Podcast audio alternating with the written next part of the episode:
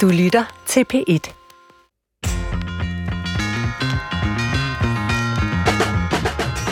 Igen og igen har vi talt om den unge generation, der mistrives. Også her i Brinkmanns Brix.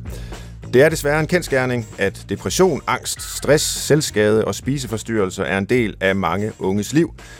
Men hvad er det egentlig, vi har gang i? Burde vi ikke tale de unge op, give dem en chance og lade være med at sygeliggøre dem, eller medynke over de her triste fakta? Jo, måske. De unge er jo også en handlekraftig generation, for eksempel symboliseret ved Greta Thunberg, og de er generelt betænksomme og gode til at passe på hinanden. Så vi begynder i dag med at tale ungdommen op på andre måder og fra et par forskningsperspektiver. Og i senere udsendelser vil vi også tale med ungdommen. Det lover jeg. Så velkommen til. Tilrettelægger Christoffer Heide Højer. Vi begyndte jo i forrige uge vores store efterårstema om børn og unge. Det er rigtigt. Og øh, for Gud ved, hvilken gang i det her program, så berørte vi de unge, som har det svært. Mm. De mistrives, hører vi igen og igen og igen. Og i dag så forsøger vi så at dykke lidt mere ned i det, fordi vi har godt nok flået hen over mange gange, synes jeg. Jeg, jeg, jeg hører jo alle programmerne. det er godt. Og, øh, men selvom du nok ikke vil kalde dig ekspert i ungdomsliv, Svend, så vil jeg alligevel godt høre, har du berøring med de unge? Ved du noget? Er du, øh, er du med?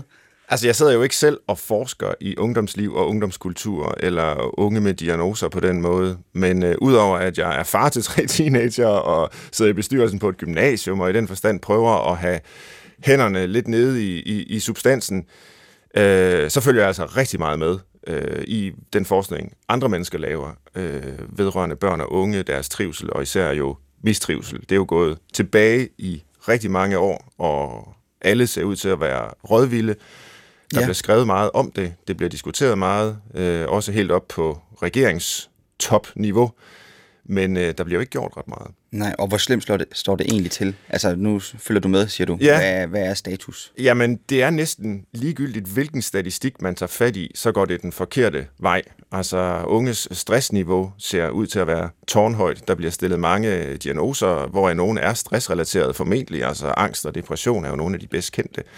Og der er også en række andre diagnoser, som øh, autismespektrumforstyrrelser, ADHD og den slags, øh, som jo givetvis handler om noget andet. Mm. Øh, men, men, men som også har været i meget kraftig vækst. Og i dag er det sådan, at hver syvende 17-årig har mindst én psykiatrisk diagnose. Og det er gået meget stærkt opad øh, i de senere år. Og det skyldes ikke, at generne er blevet dårligere? Det regner vi ikke med. Øh, genudvikling sker ikke så hurtigt, så... Øh, det, øh, det må skyldes nogle andre ting, og det kan jo selvfølgelig dels være en øget opmærksomhed på øh, problematikker, forstyrrelser, afvielser, der måske altid har været der, men som tidligere har været uopdaget.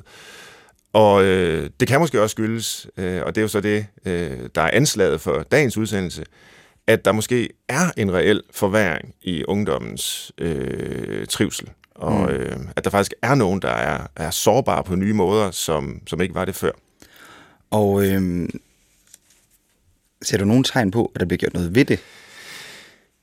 Altså, der er i hvert fald stor opmærksomhed på det. Øh, der har været mange folkemøder, for at nævne det eksempel, hvor, hvor jeg har gået fra den ene debat til den anden, og selv deltaget i nogen af dem, hvor, hvor det her har været øh, diskuteret. Øh, ja, sågar statsministeren har jeg talt med om det, øh, som, hvor jeg har hendes egne ord for, at det er noget det, hun bekymrer sig virkelig meget om, og nu skal hun og regeringen jo i gang med at planlægge øh, udviklingen for vores land de næste 10 år. Og øh, der er jeg ret sikker på, at det her det vil komme til at spille en rolle, fordi altså, det er jo noget, enhver kan, kan, kan se, at de unge, som ligesom skal føre det her samfund videre, det går jo ikke, at de snubler i livet allerede øh, i de første øh, leveår, de har, eller, øh, øh eller den første del af livet. Øh, mange af, af os, også dem, der bestemmer, beslutningstagerne, har øh, jo selv børn, teenager, og, og kan stå og kigge på dem, at de, mm. øh, de har det svært, mange af dem, og nogle af dem får diagnoser. Hvordan var du egentlig selv som, øh, som ung? Øhm, jeg, jeg var sådan en lidt nørdet type. Jeg lavede noget musik og noget video, og ja, var sådan en mini-udgave af Svend Brinkmann. Prøvede at lege intellektuel og læste Sartre, og, øh, og havde det godt. Altså, var i en tryg familie. Øh, jeg tror, jeg var lidt indadvendt, øh, men uden det var noget problem. Altså, øh, men, men, øh, Kunne man have puttet en diagnose på dig, tror du? Ej, det, det tror jeg faktisk ikke, man ville kunne. Øh, selvom mange taler om, at øh, de her diagnoser er blevet brede og, og stadig mere inkluderende, så, så tror jeg ikke, jeg kunne have fået en, det må jeg indrømme. Okay. Nå, lad os høre fra, øhm, fra gæsterne.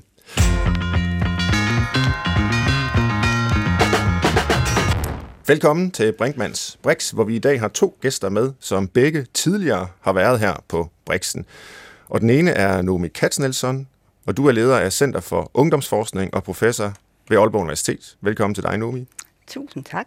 Dejligt at være her igen. Skønt, at du er med igen. Og den anden gæst, det er min øh, gode kollega, Anders Petersen, øh, som er lektor i sociologi ved Aalborg Universitet også. Velkommen også til dig, Anders. Tak skal du have. Ja, I er jo sådan set begge to mine gode kolleger, men, men Anders er en kollega, som jeg har arbejdet tæt sammen med i mange år. Vi kender hinanden rigtig godt. Øh, og det er jo nok på en måde en oplysning, vi skal give øh, lytterne, hvis det indimellem bliver lidt for indforstået imellem os. Det skal vi jo forsøge at undgå, og så forklare, hvad vi mener. Jeg er jo netop selv øh, psykolog og øh, tilknyttet psykologistudiet på Aalborg Universitet, så det er simpelthen, øh, hvis vi selv skal sige det, den stærkeste opstilling, vi, vi har med fra Aalborg i dag.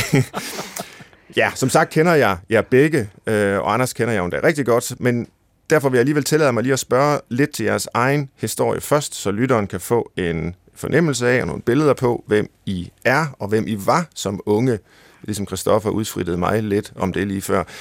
Nomi, hvordan så du ud i ungdomsårene, gymnasietiden? Hvad gik du og tænkte på dengang? Hmm. Øhm, jamen, jeg tror, jeg... Øh, øh, altså, du spørger sådan lidt hvordan, jeg skal, hvordan vil jeg beskrive mig selv dengang, ja. eller hvad man skal sige. Ja. Jamen, altså, jeg tror, jeg var to meget forskellige ting som ung. Jeg var noget, indtil jeg sluttede 10. klasse, øhm, og der var jeg altså i, i grundskolen og 10. klasse med helt ekstremt stille, mm-hmm. øhm, og, og, og altså sagde faktisk ikke noget i timerne overhovedet. Øhm, og, og der var sådan en, en runde i 10. klasse, hvor, man sådan, hvor eleverne, vi sad sådan, sådan afslutning og skulle sådan sige, hvad, hinanden, hvad vi troede hinanden ville blive. Og da man så kom til mig, så var der sådan helt stille, og der var simpelthen ikke nogen, der sagde noget, indtil en sagde sådan, øh, arbejdsløs, og så grinede Fordi jeg, var, jeg sagde ikke noget. Øh, jeg var meget stille. Nå. Og så skiftede jeg, bum, øh, fra 10. til 1. G, og besluttede, at jeg skulle noget, eller ja, det besluttede, det skete, jeg blev, og så, og så foldede jeg mig ud i gymnasiet. Og der gav jeg den gas. Altså, der var jeg på, og er meget mere, som jeg er i dag, eller hvad man skal sige. Øh, udadvendt og, og, og på og snakkende og, og sådan noget. Det foldede sig ud i de år. Så det eksploderede vildt for mig i gymnasiet. Øhm. Kan du huske, hvad det var, der gjorde det? Altså nu siger du selv, du tog en beslutning, eller også så skete det. Men, men hvad var det, der skete, da de skiftede? Der, jeg tror, det, der skete for mig, det var, at jeg var rigtig låst. Øhm, jeg var kommet fra et fransk skolesystem tidligt, okay. øh, som havde været sådan meget præstationsorienteret, og meget sådan, og det, var, det fungerede jeg i, da jeg var helt lille, eller da jeg var lille, øh, fordi jeg kunne godt finde ud af at leve op til kravene. Jeg var en rigtig pæn pige. Mm. Og så kommer jeg til sådan en dansk øh, friskole i 70'erne, hvor det at være en pæn pige, det talte som i nul. altså, det, det, det fungerede ikke. Jeg kunne slet ikke finde ud af det. Øhm, øh, så, så, så jeg kunne slet ikke, jeg, jeg, det tog mig bare mange år. Der var simpelthen nogle andre koder? Ja, der var nogle helt andre koder. Ja. Det tog mig vildt lang tid at fange dem. Øhm, havde du det, det skidt i de år der? Altså, jeg havde det jo ikke... Jeg havde det godt socialt, men jeg havde det, altså øh, alt hvad der var med skole var altid kompliceret. Øh, og jeg var en nervøs mange gange om dagen, altså sådan, så jeg kan huske mm. den der hedebredes, og det havde jeg også, øh, da jeg, altså det tog mig mange år at komme og lægge det. Altså så jeg havde sådan den der indre uro, eller hvad man skal sige, angsten for at blive taget. Øh, ja. øh, altså så, så jeg ikke sige, at jeg havde det sådan, men det var helt klart et issue. Altså det var også et issue, mine forældre var inde over, og, og ja, sådan, ja og skolen. Og, og nu, nu skal vi videre om lidt og så videre, og også tale om præstationskultur og præstationssamfund øh, i, i, i ungdomslivet og, og børneårene. Men det lyder næsten som om, at den præstationsorientering, der var i det franske skolesystem, hvor du oprindeligt var, i virkeligheden passede bedre til dig, Øh, eller også var det bare det, du havde lært.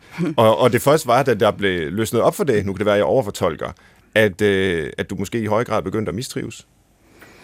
Mm, Ja, altså, du kan sige, det der var i det franske skolesystem, øhm, det, det, jeg var jo enormt, altså der, det var bare en anden form for nervøsitet. Det var sådan en, øh, øh, uh, jeg var virkelig, virkelig på det. Og så lykkedes jeg. Og på den måde var det tilfredsstillende. Ja.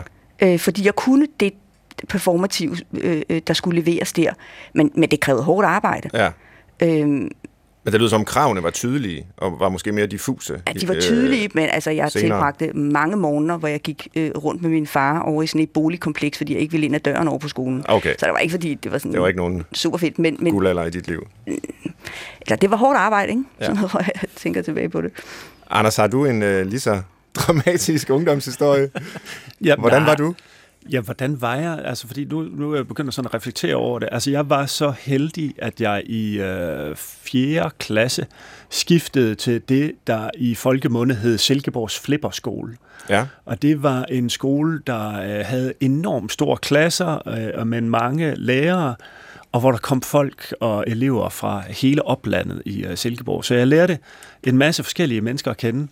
Og grund til, at det var en flipperskole, var fordi, at det var øh, meget løst øh, på mange måder. Den måde, man gik til øh, læring på. Der var meget musik, der var mange kreative fag og øh, den slags ting. Så jeg har sådan en hukommelse af, at det kan godt være, hvis man spørger min mor, at hun øh, vil sige noget andet, men jeg har en erindring af, at jeg sådan flød igennem folkeskolen, øh, og var enormt glad for at gå der, og havde ikke en eneste pjekkedag, og synes bare, at det var sgu øh, lidt, øh, det var sådan lidt happy-go-lucky, øh, kan jeg huske. Ja. Øh, lidt, øh, ja, sådan lidt, jamen det er klart. Det lyder dejligt. Jamen, det var mega dejligt. Ja. Altså, jeg har nogle af mine bedste venner i dag, der kommer fra den tid. Øh, så, så det var super fint. Og så øh, i 89 øh, begynder jeg så på gymnasiet. Øh, og det der, der øh, som om, at når man starter på øh, øh, gymnasiet, så skal der jo ske et eller andet. Øhm, og for øh, min øh, generation var det, at når man trådte ind over øh, dørtærsken til Silkeborg Gymnasium, øh, så skulle man fise ned i Blå Kors og købe øh, tøj, øh, der var genbrugstøj, fordi sådan var det bare. Øh, og det, det gjorde jeg ikke, så det, det var sådan lidt mærkeligt. Øh, øh tværtimod så havde jeg, hvilket jeg tydeligt kan huske, for det var virkelig ikke nogen øh, øh stor oplevelse for mig, jeg havde taget cowboystøvler på en dag i gymnasiet, og det var the laughing stock, altså. Det var totalt, jeg blev totalt gjort grin. Og jeg synes selv, at det så mega fedt ud. Ja. Men altså, det Clint gjorde Eastwood det jo ikke. er ligeglad med de andre griner af ham. Og det, jeg var ikke Clint Eastwood på det tidspunkt. Det, jeg, jeg kender ikke nogen 17-årige, øh, der er Clint Eastwood. Altså. Nej. Så det var, det var virkelig, og jeg havde dem på en dag, og så kan jeg huske, så gik jeg bare hjem, og så stillede jeg dem ind i skabet, og så tænkte, at der bliver I bare. Og, og det gjorde de så også. Okay. Altså, og så, så var jeg sådan mere... Øh, jeg var ikke flippet eller blå kors, og alle piger, der kan jeg huske, det var virkelig øh, spændende. De skulle have deres, hvad hedder det, fædres natbukser på. Øh, fordi det var ligesom bare den, øh, det var det outfit, man havde. Ja. Også i byen. Okay. Det var meget mærkeligt, men det var sgu også uh, sjovt, altså. Ja. Men, øh, ja, ja. men ser du den, altså nu, du beskriver det jo som en, en dejlig tid, øh, en tryg tid, du flød lige igennem, som du siger. Ja. Savner du den tid? Kunne du tænke dig, at vi i vores nuværende samfund og måde at bygge skole og ungdomsuddannelse op på, øh, altså kunne genskabe noget af det, der var dengang? Altså en af de kæmpe store fordele, som jeg altid øh, minder til, eller husker tilbage på med stor glæde, det var, hvad var det for nogle valg, jeg skulle træffe efter 9. klasse? Øh, 10. klasse, det kom ikke rigtig meget på spil. Efter skole, nej, heller ikke så meget. Var det gymnasiet, eller var det handelsskolen? Mm. Okay, men det blev gymnasiet for mit vedkommende. Hvad skulle jeg så være? Skulle jeg være sproglig, eller skulle jeg være magiker? Mm. That's it. Det var, altså, det, var de, ja. det var de to valg, jeg skulle træffe. Og jeg vidste godt, at jeg, jeg er frygtelig til matematik. Altså elendig. Så det var det jo ikke. Så det var sprogligt. Og det var fint. Og så var der ligesom nogle valg, der var truffet af sig selv for mig. Skal jeg have fransk? Ja, det kan godt være. Det var ligesom det, der blev udbudt. Der kan jeg huske. Jamen, sådan var det. Øh, så skulle jeg også have tysk. Det var jeg også elendig til. Det fik jeg også at vide, jeg var elendig til. Jeg snakkede rigtig meget, men jeg kunne ikke grammatikken, og det er også rigtigt. Men, men det var jo fint nok. Altså, så, så, så der var nogle valg, der var blevet truffet, og de valg, jeg selv skulle træffe, synes jeg var overkommelige og jeg synes, det var overkommeligt også at involvere øh, mine forældre i, hvilke valg der var, der skulle træffes. Mm. Det var ikke besværligt. Altså, det, det synes jeg ikke, det var. Det kan godt være, det var det for nogen, det var det ikke for mig. Så du nævner det med, at øh, der ikke var så mange valg at træffe dengang, og det er der jo så nu. Mm. Øh, der er mange flere linjer, der er mange flere ting, der skal tages stilling til, og det skal der måske øh, noget tidligere i livet mm. også, end mm. dengang øh, vi var, var børn og unge. Og det, det, det er en af de ting, jeg godt vil holde fast i, og noget, vi måske kan kredse lidt om, øh, det her med de mange valg. Mm. Og sådan lidt forbundet til det, øh, og i forlængelse af det, så har jeg også tænkt på øh, den generation, vi har. Nu har vi talt allerede i indledning om de her mange diagnoser, de får. Øhm, man kan også sige, at de netop skal forholde sig meget til sig selv. Og det er måske en del af det at træffe valg, og så skal man jo vide, hvem er jeg? Mm. Øh, fordi man skal jo ikke bare træffe et valg ud af det blå. Mm. Øh, og jeg synes også, jeg har lagt mærke til, uden at jeg har studeret det sådan systematisk, men at de unge øh, rigtig øh, dygtige faktisk til at, at tale om sig selv, kan analysere sig selv. De har et vokabular mm. øh, med en masse psykologiske begreber, som jeg ikke mestrer. Altså det er jo faktisk dels de her diagnoser, altså de kan tale om deres stress og deres mm. angstlidelse osv., mm. øh, men også om, øh, om de er introverte eller ekstroverte, og øh, alle mulige måder at forholde sig til sig selv øh, på kan de? Og på den ene side, og nu nævner jeg det bare her indledningsvis som et, et, et punkt, jeg interesserer mig for, og som mm. jeg virkelig ikke ved helt, hvordan skal fortolkes, er det med til at øh, hjælpe dem? At de er så gode til at reflektere over sig selv, hvis det er rigtigt, at de er det? Eller er det faktisk noget af det, der også giver dem problemer, at de hele tiden skal forholde sig til sig selv og kigge ind i sig selv og mærke efter i sig selv og arbejde med sig selv. Mm. Nomi, nu øh, ja, kigger jeg så på dig og, og sender den over til Center for Ungdomsforskning her. Altså, er, er det også sådan, du ser øh, ungdomsgenerationen? De skal træffe mange valg, og de skal forholde sig meget til sig selv, og, og, og at det måske er lidt vanskeligt at sige, om det er en hjælp eller et problem for dem? Ja, oh, det har jeg virkelig meget. Jeg tror, jeg, jeg, jeg, det, jeg vil svare på de spørgsmål i to, i to dele. Mm. Fordi til første det med valget, for hvis vi nu bliver ved det først, øhm, så har I jo ret i den der lige øh, øh, veksling, jeg havde der, men der var der, der er kommet mange flere valg i skolen øh, og igennem skoleforløbet. Og det, øh, det, det, det er jeg helt med på, og det er jeg meget enig i. Øh, det jeg til gengæld tænker, hvis vi nu lige øh, bliver lidt i vores egen gamle øh, historie, der hvor jeg synes, der faktisk er blevet færre valg mm-hmm. i dag, det er, at de, den, de positioner, hvis jeg tænker tilbage på for eksempel min gymnasieklasse, så var der mulighed for at indtage mange flere positioner, end at være den, øh, der var stræberen i skolen mm. og gå i skolen. Jeg havde lige sådan en øh, øh, veksling med min eksmand om det, og vi kan komme til at snakke Der var mange flere grupper, dengang man kunne tilhøre, af dem, der var lidt mere ligeglade med skolen. Der var også, og det snakkede han om, en position i skolen, hvor man var imod skolen. Altså, hvor man ligesom var ligeglad. Og det kunne man, der kunne man, det kunne man også få lov til at være i fred øh, og tænke, at man havde fremtid, selvom man var det. Altså, så der var faktisk mange flere valg af positioner i mhm. forhold til, hvordan man ville performe i skolen. Hvor det, som jeg synes, vi ser de unge i dag i vores undersøgelse, det er, at de beskriver, at der næsten ikke er nogen valg. De skal bortforklare og undskylde, hvis de ikke indtager positionen som værende dem, der præsterer godt i skolen. Mm. Og så, så, så der er blevet meget færre valg. Så, så det er også noget med, Ja, jeg tror, vi skal passe på med den der øh, generelle fortælling om, at der er bare valg på alle hylder for mm. de unge i dag. For jeg tror faktisk, de føler, at der er på nogle planer meget få valg, fordi det, det er bare én lige vej, ja. og du skal være formet på én måde.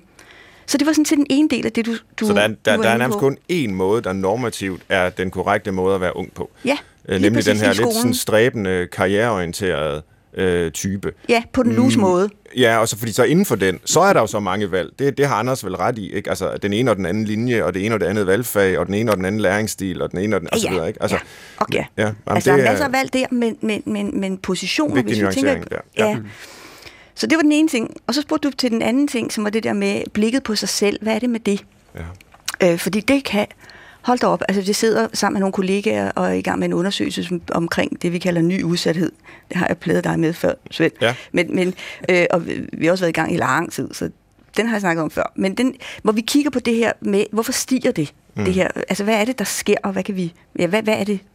Og det vi får øje på der, det er, at, at der er netop altså meget et blik på sig selv, og et sprog for det, der foregår indeni, som er ret veludfoldet. Og det kommer faktisk også som du lidt var inde på, Svend, til udtryk på, både som noget godt, altså som noget, der faktisk øh, nogle af de unge, og det er jo ikke alle, der har det, men mange af dem kan bruge øh, til at hjælpe sig selv, og til at blive kloge på sig selv, og reflektere over, for, øh, over sig selv på nogle faktisk virkelig avancerede og sindssygt gode måder, synes jeg.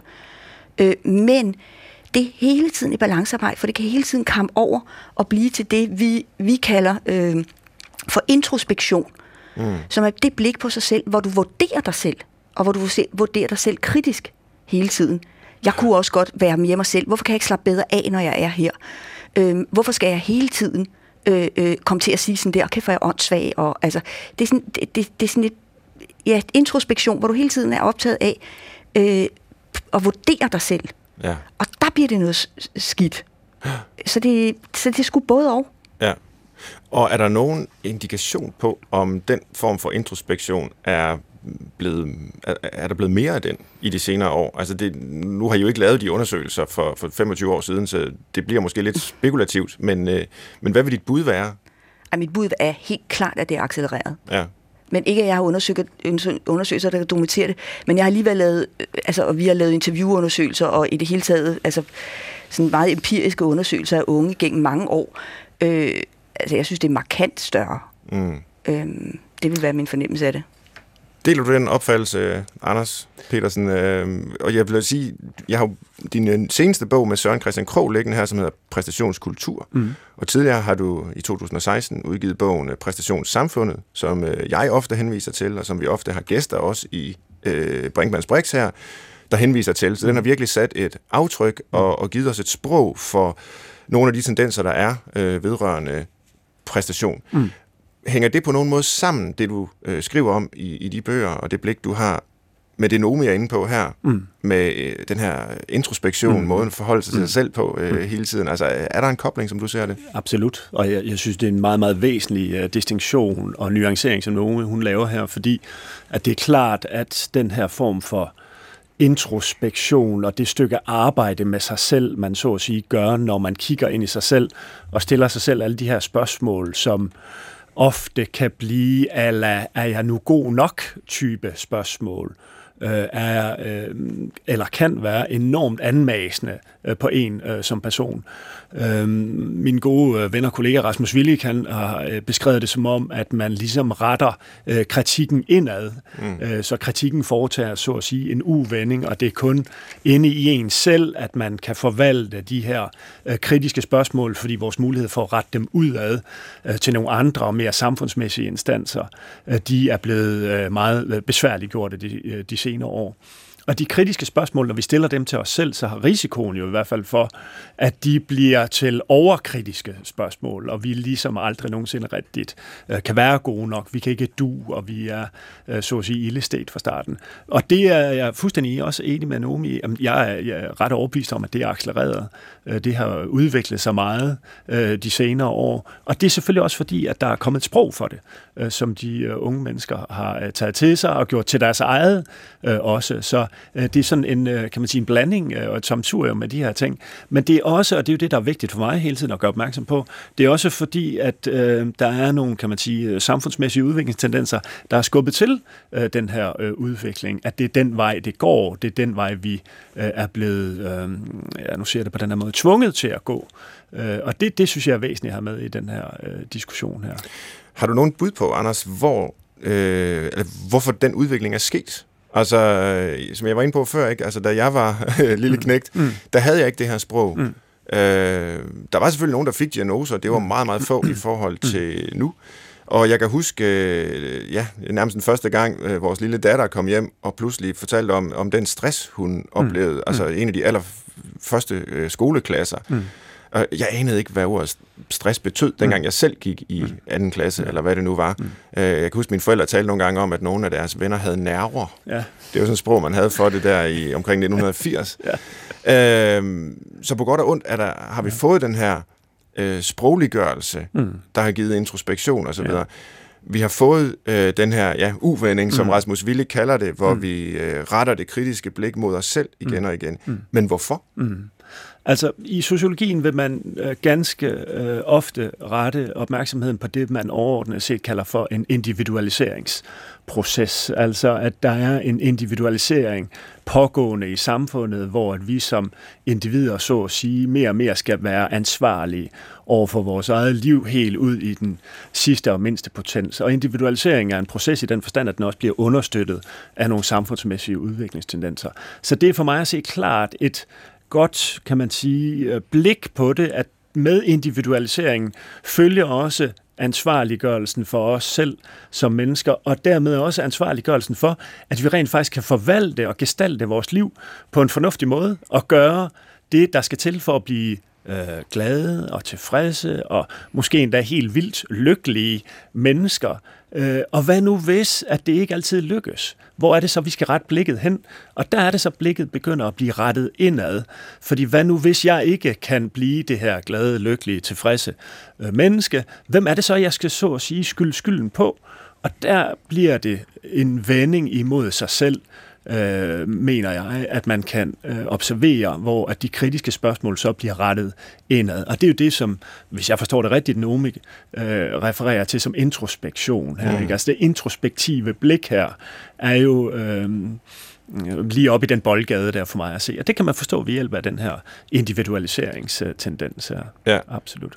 Der er jo forskellige begreber i cirkulation. Øh, Altså både i vores samtale her allerede præstationskultur og præstationssamfund, men også i den bredere offentlige debat om de her spørgsmål selvfølgelig. Og noget af det, der øh, er blevet diskuteret, jeg kan huske den øh, forrige øh, undervisningsminister, Mariette Risager, kritiserede det her præstationssamfundsbegreb, mm.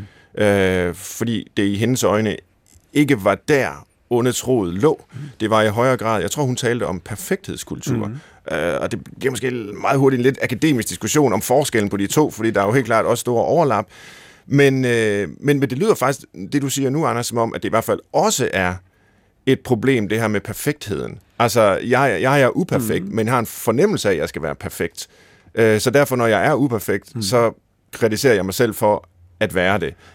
Ja, men det, det er der ikke nogen tvivl om for mig at se, at det også er et problem. Og der, hvor jeg synes, at Mariette Risa går galt i byen, er, at hun omtaler præstationskulturen for det første som udelukkende noget positivt. Vi giver børn og unge mennesker også i samfundet mulighed for at præstere, og det er per ja, som jeg læser det per definition, noget godt. Vi glemmer i den sammenhæng, at det også er en fordring, en forventning, et krav, der bliver stillet øh, til os om, at vi skal præstere på en helt særlig måde. Mm. Og hvis jeg skal læse det, eller tolke det, Naomi sagde omkring en mulig måde at være den rigtige øh, unge øh, på i dag, jamen så er det for mig at se muligt at se det som netop den krav, det forventningspres, der bliver stillet udad til, til den enkelte om at gøre det på den rigtige måde.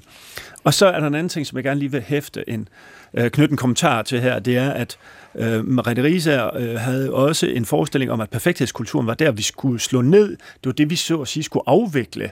Og det kunne vi blandt andet gøre ved at øh, spørge øh, forældrene, om de ikke ligesom vil tage mere øh, affære her og sørge for at sige til deres børn, I skal bare lade være øh, med øh, at have den her forestilling oven i hovedet. Mm. Men, men, men det er at individualisere et problem, der for mig at se på ingen måde er individuelt forankret. Øh, så, så det, og så det, er det måske ja, paradoxalt nok jo også at lægge et ekstra krav ja, ned over dem. Ikke? Altså, jo, nu, nu skal du sørge for bare at lade være. Jamen, det synes jeg. Øh, så, så, så, så er det også en, en form for norm, man skal leve op til lige pludselig. Ikke? Jo, det, det er et altså, dobbeltpres, et ja. krydspres næsten. Ikke? Nå, nu sidder vi og bliver enige her, uh, Anders Petersen og jeg, Nomi Katz Nelson, uh, på, på, på, i, dit, i din forskning og på jeres center. Uh, opererer I så med nogle af de her begreber, som vi slynger rundt med, altså præstationskultur og perfekthedskultur? Er det noget, I kan se, og noget, I tager udgangspunkt i? Ja, det gør vi. Øhm, og, og, og, og bruger jo også i øvrigt, Anders, øh, din bog. Så på den måde øh, gør vi. Men jeg tror, det, det jeg vil supplere til, til, til, til jeres snak her, det er, at øhm, og der, hvor jeg synes, Mariette Risager har en pointe, det er, øhm, at at der er også noget kedeligt i, at vi får talt om præstation udelukkende som noget negativt. Mm. Fordi øhm, præstation, tror jeg, er noget fuldstændig fundamentalt for os alle. Jeg var lige ved at sige noget menneskeligt. At vi har alle sammen brug for øhm, og, og har glæde ved at præstere noget og få anerkendelse for det fra omverdens side. Jeg tror, det er noget, noget, noget ret fundamentalt menneskeligt, mm. øh, som er drivende for os. Øh, også i skolen. Øh, præstation. Vi kan ikke pille præstation ud af skolen. Det giver ikke mening. Altså skolen er et sted, hvor vi skal også lære at præstere. Vi skal også lære mm. rigtig mange andre ting. Og det er der, hvor jeg ser balladen i dag. Det er, at mængden af steder, unge oplever, at de skal præstere, den er bare eksploderer. Mm. Øhm, Øhm, fordi de skal præstere i skolen, men de skal også præstere, og nu, nu bliver det sådan klichéagtigt, men på sociale medier, de skal præstere i relationerne. De oplever, når de er i skolen, så er der rigtig mange, der oplever, at de skal præstere i forhold til, hvordan de andre oplever dem, og tænker de andre også, at de nu er kloge nok, eller med på de rigtige. Og, altså, det er ligesom om, at det er sevet Og det er jo også det, Anders, du skriver om. Altså, mm. Altså, det er sevet ud alle steder. Så det, det er i virkeligheden ikke præstationen i sig selv, øhm, men det er det, at den, den er blevet så forstørret og sivet ud så mange steder. Og så kommer du til noget relevant, Anders, synes jeg, som er det her med, hvor kommer det her fra? Altså, den her samfundsmæssige strukturering. Og der tror jeg, øhm, nu var jeg til en regeringskonference, der var i går, og selv vores statsminister snakkede om, øh, øh, øh, øh, at, at vi ligesom nåede et sted henne, hvor den måde, vi Nej, det her, det sagde hun altså overhovedet ikke. Undskyld. øh, øh, øh, øh det er fordi, inde ligger en anden mulig ord i munden. Undskyld. Det sagde hun overhovedet ikke. Det gør ikke noget. Så er det bare dig, der siger det. Ja, det er bare mig, der siger det. Jeg bliver lige på, på min egen bane. Ikke? ja, hvad hedder det? Nej, men, men, men okay, i min optik, der har vi fået lavet et, en, en struktur, hvis vi tager skolen som arena, var det ikke den eneste, skolen som arena. Vi har fået en struktur, hvor at vi vurderer, hvornår, altså det er jo helt nedefra, når vi ser på dem i børnehave, øh, vuggestue, så har vi blik på, hvordan de kommer til at klare sig på ungdomsuddannelser, og hvordan laver vi sprog, sprogscreening mm. der, hvordan øh, øh, overgangen til, til, når du starter i børnehaveklasse, det er på et bestemt tidspunkt, du kan ikke få lov til at udskyde, men du får en særlig grund, øh, mm. altså og så videre, og så videre, og så videre. Vi har simpelthen øh, hele tiden et blik på vores børn og unge, som handler om, hvordan de klarer det, og hvordan det går. Ja. Øhm, og, og, og jeg kan næsten, synes jeg, når vi snakker med de unge, en til en høre den der oplevelse af, at fremtiden ligesom er rykket tættere på, end da vi var unge. Mm. De har fremtiden ånden i nakken, eller hvad man nu skal sige. Øhm, og, og jeg tror, det, den er ekstremt skadelig, den, den, øh, øh, det, det enorme fokus på, hvornår du klarer dig, på hvilken måde, på hvilket niveau. Og jeg tror, den er sædet ind så mange forskellige steder, øh, at det er blevet for meget. Øh, og det er den her for meget, vi på en eller anden måde skal adressere. Hvor er det, vi kan skrue ned? Det er en meget vigtig øh, pointe, og, øh, og, men, men jeg sidder alligevel nu, nu har vi talt det meste af en halv time om alle problemerne jeg, jeg lovede lytterne i programmets øh, begyndelse, at vi også skulle tale de unge op. Øh, det, det, det vil vi selvfølgelig, fordi vi alle tre her i hvert fald, øh, alle fire, hvis vi tæller Kristoffer med, øh, ser, at der er nogle problemer for børn og unge. Ikke? Øh, men, men kan vi nu prøve alligevel at rette blikket øh, mod dem på en lidt anden måde? Øh, altså det er ikke fordi, vi skal glemme alt det her, det er vigtige problemer, men et sted, vi kunne begynde, det var ved at sige, jamen det er jo ikke alle børn og unge, der har det skidt. Mm. Altså, det er jo en ekstrem heterogen gruppe. Mm. Det kan godt være, at der er nogle krav om, og et normalitetsspektrum, som er blevet smallere, og, og i den forstand er der måske færre valg med hensyn til, hvordan man skal være som ung, øh, som du var inde på, Nomi. Men de unge er jo stadigvæk forskellige. Mm. Øh, kan, kan, kan du, Nomi, lave sådan en uh, ungdomsforskningsindflyvning hen over ungdommen, øh, og, og, og ligesom kortlægge den heterogenitet, så vi ikke taler om, om dem alle sammen, som om, at de har, har det vanskeligt? Yes, det kan jeg. og det er godt. Øhm, og jeg kan også sætte tal på, for jeg synes, det er super vigtigt, det du siger øh, der, Svend. Fordi det her er ikke generationsportræt, mm. eller hvad man skal sige. Men det er nogle træk, der er i, i, i de strukturer omkring de unge. Men de unge reagerer vildt forskelligt på de strukturer. Ja. Øhm, og, og jeg kan simpelthen, vi har lavet en øh, øh, også kvantitativ øh, baseret undersøgelse, hvor vi simpelthen øh, har, vi har kaldt, hvad skal vi sige, vi har øh, kaldt den sådan broget ungdom, fordi det netop viser sig forskelligt. Og der er, øh, og nu altså, skal jeg så afsløre, at jeg er simpelthen så kamp dårligt til at huske tal øh, øh, og navne og ansigter og mange andre ting. Men tal er også en del af det. Jeg håber, at detektor tilgiver dig bagefter. Jamen, det er det. Så jeg tør sgu næsten ikke sige noget for en bare i nakken. Men, men, men de tal, vi har på det, øh, det er, at der er øh, tror jeg, omkring øh, 28 øh, procent, som er den største gruppe af de unge, som øh, har et rigtig godt ungdomsliv, trives i det. Øh, de oplever også, at der er noget pres på og, og præstation, men de har det rigtig fint med det, mm-hmm. fordi de leverer i det det fungerer godt for dem. Så har man... Har 28 procent, siger du sådan cirka? Ja, Eller, ja. nu er det ikke, du må ikke blive for... Men, nej, nej, 28, omkring. Ja. ja, og så tror jeg, det er... Øh, nu håber jeg altså ikke, der er nogen vakse lytter, der begynder at sidde og lægge tallene sammen, fordi så, så ender de garanteret ikke på 100. Nå, men så er der den næste gruppe, som er omkring øh, lidt mindre, 27 procent, tror jeg, øh, som, øh, som har en oplevelse af, at øh, de trives også godt, men de har en lidt forhøjet oplevelse af, at de skal øh, levere, og der er run på. Øhm, men de trives stadigvæk godt. Så vi har over 50 procent af de unge, som faktisk trives øh, rigtig godt og har det fint, men oplever også, at der er run på, eller hvad man skal sige, øh, pres på, men det gør ikke noget ved deres trivsel. Og så når vi til de andre grupper, så er der en gruppe på øh, tror jeg omkring 17 procent, øh, som i høj grad føler sig presset på øh, præstationsdelen. Det er meget det, de bonger ud på. Øh, hvad de andre tænker om øh, fremtiden, og, øh, og også i en grad, hvor de begynder at have nogle kropslige symptomer på det, hvis man kan sige det sådan. Mm. Øh, søvnløshed, øh, øh, oplevelsen af uro og pres og stress og sådan noget. Og så er en gruppe på også 17 procent, øh, som, øh, øh, som faktisk ikke har præstation som noget, der bonger særligt ud hos dem.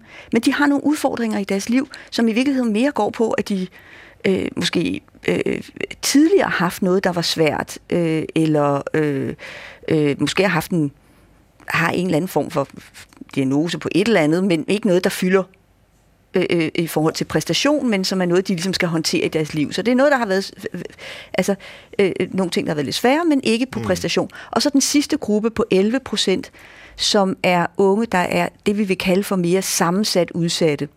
Ja. Altså som kæmper med ting på mange arenaer, som er dem, der har også nogle andre sociale problemer osv. Det er ikke de allersvageste, fordi de svarer ikke mm. øh, på sådan nogle spørgeskemaer. Men sådan, øh, og, og, og det, altså de har, registrerer også et højt præstationspres. Så dem, der i forvejen var presset, hvis man kan sige det sådan, af, af nogle vanskelige omstændigheder omkring sig, øh, det kan være så socialt, det kan være mobning, det kan være nogle andre ting, de oplever også præstation som et pres. Mm. Så det er jo faktisk super varieret og differentieret. Ja. Er der nogen af dem, altså det er jo altid svært det der med at graduere øh, ubehag og problemer i livet. Altså hvis man har det svært som ung, så har man det svært, og så er det ikke nogen trøst at få at vide, at der er nogen, der har det endnu sværere nødvendigvis. Men, øh, men er der nogle af de her grupper, du, du, du, du tror, vi har, eller mener, vi har for lidt fokus på? Er det de rigtige, vi bekymrer os om, når vi taler øh, unge med vanskeligheder og alle de her diagnoser? Er der nogen, der er overset? Nej, det synes jeg egentlig ikke. Men jeg, jeg, jeg synes, at vi får, jeg synes mere problemet er, at vi mudrer det hele sammen. Ja. Ja. Øhm, fordi øh, øh, vi opererer med, med to begreber, der kommer der flere begreber på, ikke?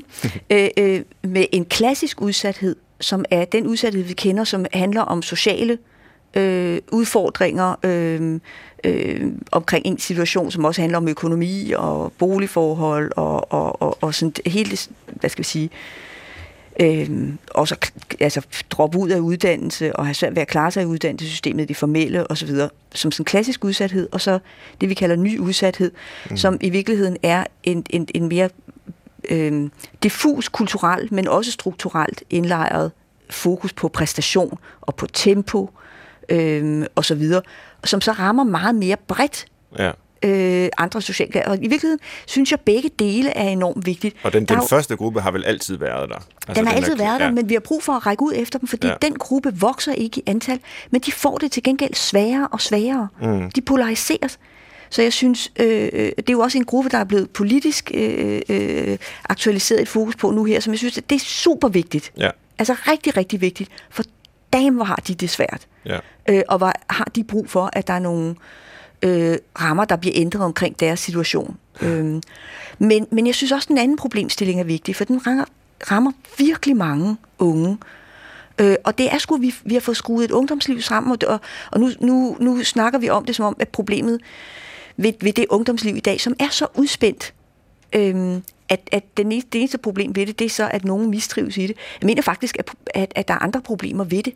Øh, vi får også forskruet fokus i vores uddannelsessystem på at være strategisk, ja. frem for at blive fordybet øh, og nysgerrig. Øh, altså, vi, jeg, jeg synes, der er mange af, andre afledte problemer ved det.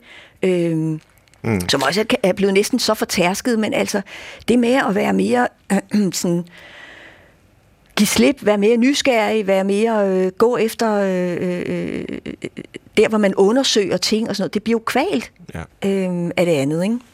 Og Anders Petersen, du skal selvfølgelig have lov til at komme med, med dine perspektiver på, på alt det her, og på, på Nomis gennemgang af de sådan, forskellige grupperinger, mm. der findes inden for, for ungdommen. Men jeg kunne tænke mig at øh, stille dig et spørgsmål vedrørende altså dit begreb om præstations samfundet. Øhm, der er en, en psykiater i Danmark, der hedder Søren Hertz, som har mm. skrevet, synes jeg, oplysende bøger om børne- og unge psykiatri og nogle af de vanskeligheder, de har. Og, og han, en af hans tanker er, at hvis vi alene øh, bygger sådan en bekymringskultur op mm. rundt om børn og unge, så spejler de sig simpelthen mm. i den bekymringskultur, mm. og så risikerer vi at gøre ondt værre. Mm på en måde. Og det var egentlig også lidt mit afsæt for den her udsendelse. Mm. Altså, mm.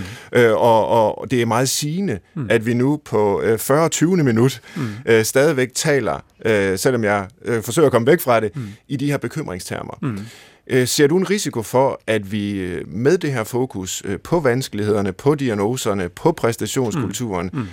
simpelthen puster øh, yderligere til den her øh, ild? Ja, øh, det vil jeg meget gerne svare på, men jeg vil gerne lige knytte en kommentar først til noget af det, som Naomi sagde, som jeg synes er vigtigt.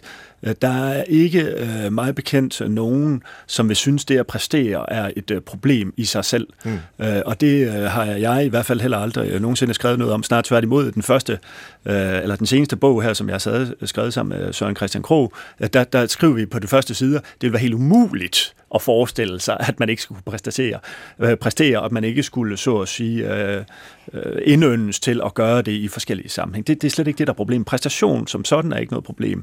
Øh, Øhm, det, der er problemet, det er, at præstationen er røget over i en særlig ramme, øh, som vi skal gøre den på. Det er det, jeg synes øh, er øh, det helt store problem. Og derfor kan vi også, øh, og det kan vi måske tale om senere, tale om præstationsfrigørelse øh, som en mulig måde ligesom at komme øh, omkring det her på en anden måde øh, tilbage til problemet. Hvis vi bekymrer os for meget øh, og indsparker, øh, så at sige, den her bekymringstilstand øh, i øh, børn og unge mennesker hele tiden, er det så et problem for dem? Ja, selvfølgelig er det det. Øh, det er for mig at se absolut ingen tvivl om. Øh, er det øh, derimod også bekymrende, øh, hvis vi så at sige forsøger at skubbe noget øh, ind under gulvtæppet, øh, og ikke vil tale om det, eller ikke vil sætte nogle termer på, som måske kan forklare, hvorfor der er en stigende gruppe af børn og unge, som ikke trives særlig godt. Ja, for mig at se er det også et kæmpestort problem. Vi skal jo ikke tale børn ned, og vi skal heller ikke tale dem ned under gulvbrædderne på nogen som helst måde. Og det er de jo også så at sige, for begavet til, selv heldigvis. Mm. Øh, fordi det er en, på mange måder jo øh, fantastisk, at der er så meget liv og øh, så meget øh, øh, gang i den øh, blandt de unge i dag. Altså noget af det, som jeg øh, fryder mig rigtig meget over, er jo deres engagement eksempelvis i øh, klimaspørgsmålet. Ikke? Altså, det, og det har vi ved Gudgrød også øh, behov for selvfølgelig.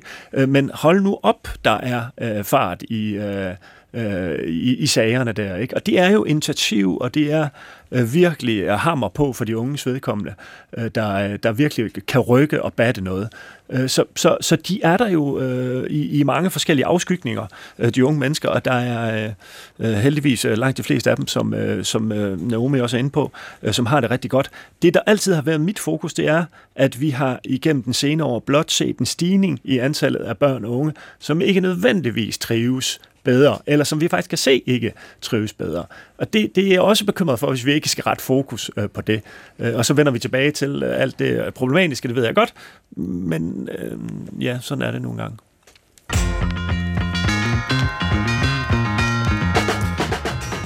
Du lytter til Brinkmanns Brix på P1. Vi taler om, om ungdommen i dag i selskab med Nomi Katznelson, leder af Center for Ungdomsforskning og professor ved Aalborg Universitet, og vokset op i Frankrig, har vi lært. Og Anders Petersen, lektor i sociologi ved Aalborg Universitet og vokset op i Silkeborg. Vi har også, hvis ikke en decideret ung, det ved jeg ikke, Christoffer, hvad, hvad du vil kalde dig, så i hvert fald en yngre person med i studiet i form af dig. til ret lækker, Christoffer Heide Højer. Ja, i hvert fald yngre end jer. Det er du. Ja.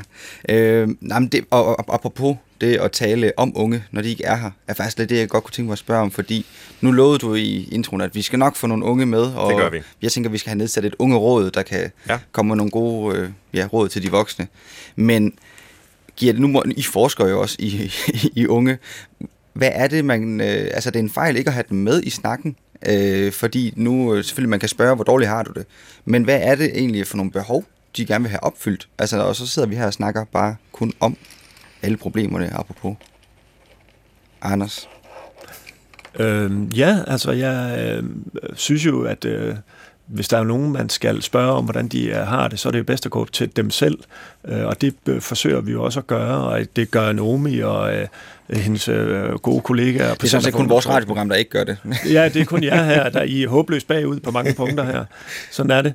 Men det er klart, selvfølgelig skal man øh, have de unges perspektiv på øh, banen her, og det kan man jo gøre på mange forskellige måder. Og Øh, det er jo også, hvad vi har forsøgt at gøre, om ikke andet, i øh, den her bog om præstationskultur. I udskolingen øh, hos en lang række børn har vi været inde omkring, hvordan er det, de opfatter deres liv og trivsel som ung i dag. Mm. og det, det er jo sådan en almindelig, kan man sige, forskningsmæssig måde at gå til det på. Men øh, at nedsætte et uh, Svend Brinkmanns Brix ungeudvalg, det kunne da godt være, det er en god idé for jer at gøre, det skal jeg ikke kunne sige. Ja. Hvor mange unge er der på Center for Ungdomsforskning? Øh, altså sådan tænker på vores medarbejdere? Ja, men sådan, hvem er, sidder der sådan en lille råd, man kan spørge, eller er det... Nej, vi har, vi har, et, et, et, vi har ret mange unge, altså et konstant flow også. Vi har også masser af studenter medhjælpere og praktikanter og, og sådan noget. Så der er, mm. øh, altså jeg sad lige i, nu var det ikke foregårs, jeg var, var inde på kontoret, der sad jeg og spiste frokost med fem, der var formentlig 20 år yngre mig selv, eller sådan noget. Ikke? Øh, altså, så det, det er der. Men er det et dilemma for det, det her med, og hvordan man, vil man sige, undersøger nogen, som i godsøjne ikke, ikke lige er der altid? Altså, det, nej, det synes jeg sgu egentlig ikke. Det, altså, for det er godt. Det er jeg glad for. Øh, undskyld, øh, øh, øh, men, men øh, men det er ikke, fordi jeg ikke vil tage... Altså, øh, øh nej, jeg tænker, opgaverne er også forskellige. Mm. Fordi jeg tænker, det der er vores opgave som forsker, eller det, det jeg tænker, min opgave, øh, øh og også Center for Unge, det er jo på en eller anden måde, at vi skal jo på en måde, vi skal, vi skal jo ikke bare være mikrofonholder for nogle unge, vi skal jo vi skal samle ind mere bredt også, og lave noget analyse på det, øhm, men, men, men, men på den måde samle ind fra flere unge end enkelte unge, eller hvad man nu skal sige. Øhm, Jamen det er jeg glad for det svar, fordi det er også derfor, vi ikke har inviteret nogen. Altså, Specifikke, ja. så kunne de jo kun tale, eller de kan jo ikke tale for en hel generation. Men det jeg også gerne lige vil spørge om, det er, hvad er de unge øh, og den generation egentlig et billede på i vores samfund? Fordi de, de repræsenterer jo også noget. Øh, jeg tænker, det er jo ikke, altså nu er det jo ikke bare kun de unge, der får flere diagnoser. Det gør en del voksne jo også. Så hvad hvad er de egentlig et billede på? Ja, ja, nu, må, må jeg, ja, ja, ja. Nå, ja, okay. Jamen, øhm, Jamen, det jeg, altså jeg tror på mange måder, og nu bruger jeg lige corona som sådan en, øh, øh, ja, til, til at snakke om det, eller til at bruge det, fordi på mange måder, så skete der noget virkelig spøjst under øh, coronatiden i forhold til vores snakke om unge. Øh, for der skete faktisk det, som jeg synes, du siger, det er et spejl, at der blev på nogle måder, blev det meget nemmere at diskutere nogle ting, der var svære under nedlukningen. Øh, som var svære formentlig for mange af os, men det var jo nemmere at diskutere, som var noget, der handler om de unge. Altså de unge blev på måde brugt som sådan et, et spejl på os andre, fordi det er svært at sige voksne, synes det er svært, ikke? Fordi det ved vi godt, det er for ligesom for, for, for, det kan man ikke sige, vel? Men man kan godt sige unge noget, ikke? Man kan godt definere unge som en gruppe, mm. øhm, selvom det ikke altid er meningsfuldt, når det kommer til stykket, ikke?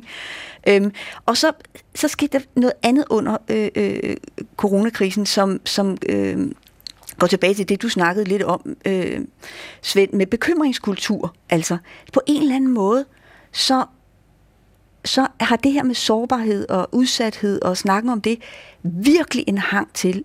Og det synes jeg er noget bras, altså, øh, øh, øh eller noget lort, eller hvad man kan sige her i radioen, ikke? Altså, til at blive sådan en voksen, øh, industri, altså sådan en, en bekymringsindustri, som der ved Gud også er penge i. Øh, øh, fordi der er også mange, der Ja, ja altså... Øh, det med, at, at vi som voksne får i talesat, at alle unge ligesom er nogen, der er sårbare og skrøbelige og ved at falde fra hinanden, og under corona øh, øh, øh, øh blev der sådan en helt diskurs på et tidspunkt om, hvor, hvordan ungdommen var ved at falde fra hinanden. Så blev et, altså synes jeg, virkelig problematisk blik. Øh, og Svend, du refererede til ham der Søren, Søren Hertz, mm Øh, fordi jeg mener, de unge lytter jo, de er jo for finde med, eller ja. vi er jo iblandt dem og omkring dem. Så vi er der med til at levere nogle billeder af, og fortællinger om dem som nogen, der er ved at gå fra hinanden. Og det synes jeg, der var så meget hang til under corona, så jeg næsten ikke kunne være i det. Fordi det var jo i virkeligheden rigtig mange, også sunde, almindelige, naturlige reaktioner mm. på en fuldstændig ualmindelig øh, øh, situation i vores samfund. Det var jo ikke en sårbarhed. Øhm, så jo mere vi kan få diskussionen derhen, hvor det handler om, hvad er det så for nogle, nogle det var ualmindeligt under corona, og det var faktisk en naturlig reaktion at føle sig alene og føle sig ensom.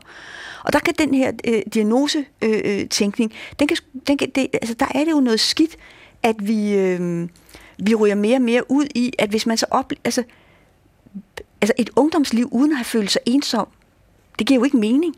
Altså, hvem fanden har ikke følt sig ensom? Og hvem føler sig ikke ensom indimellem? Eller øh, ked af det, eller forkert, eller...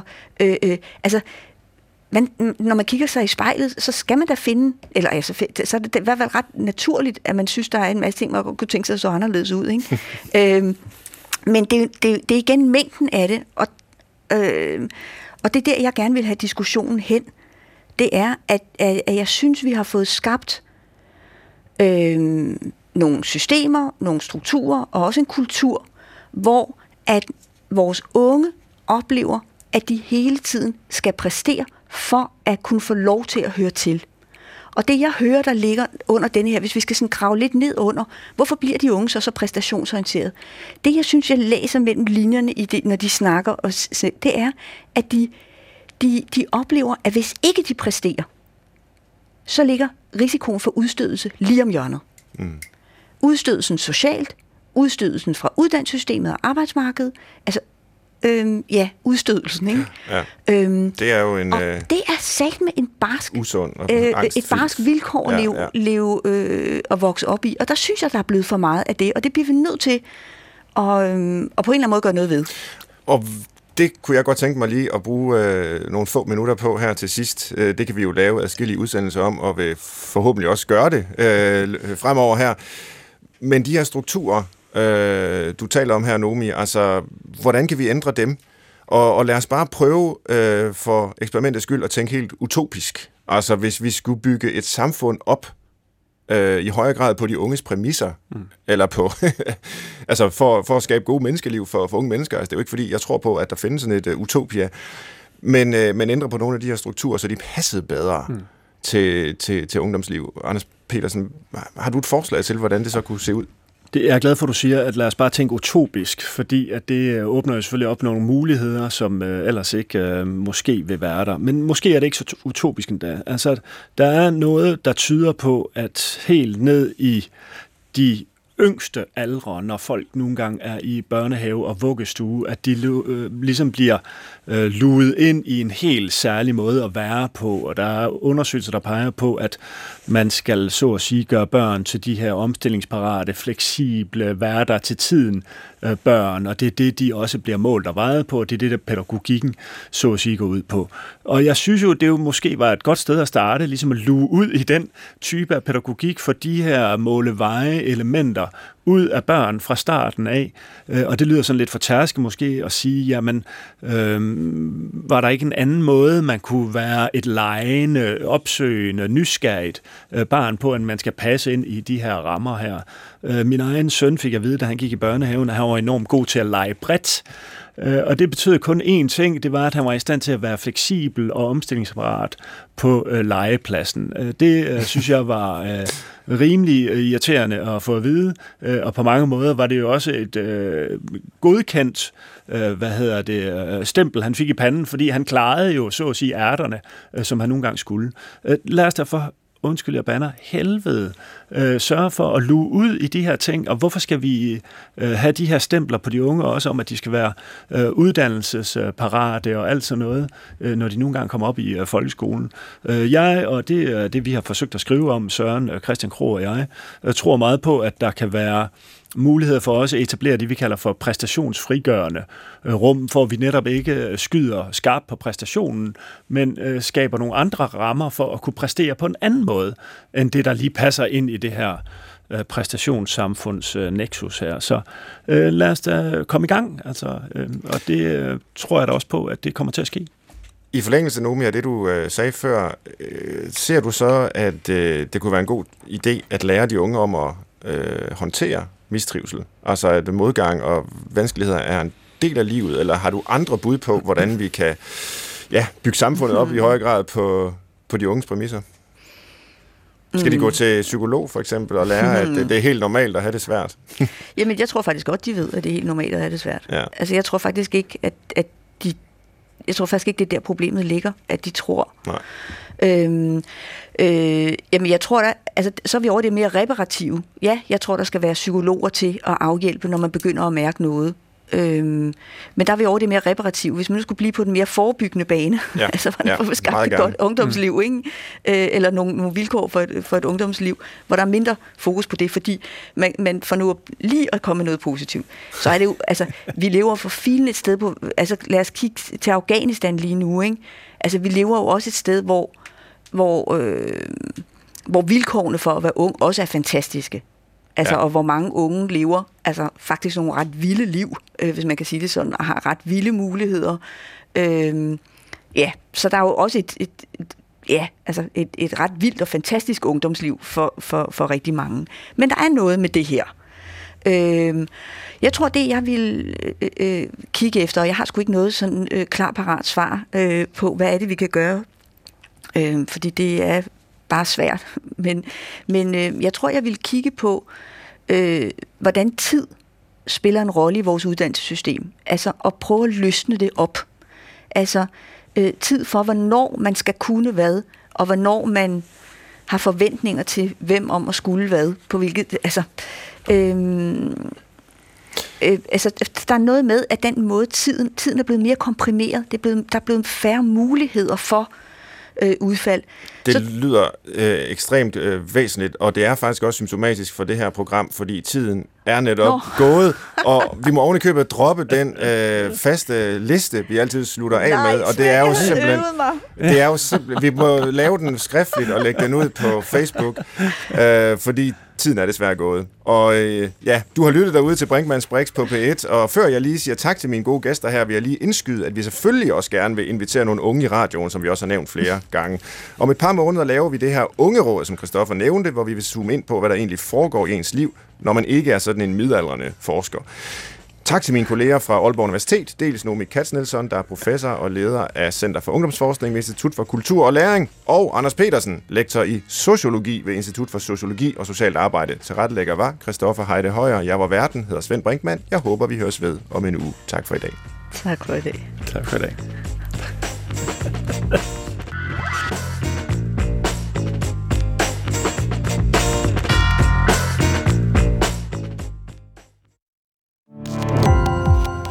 Gå på opdagelse i alle DR's podcast og radioprogrammer. I appen DR Lyd.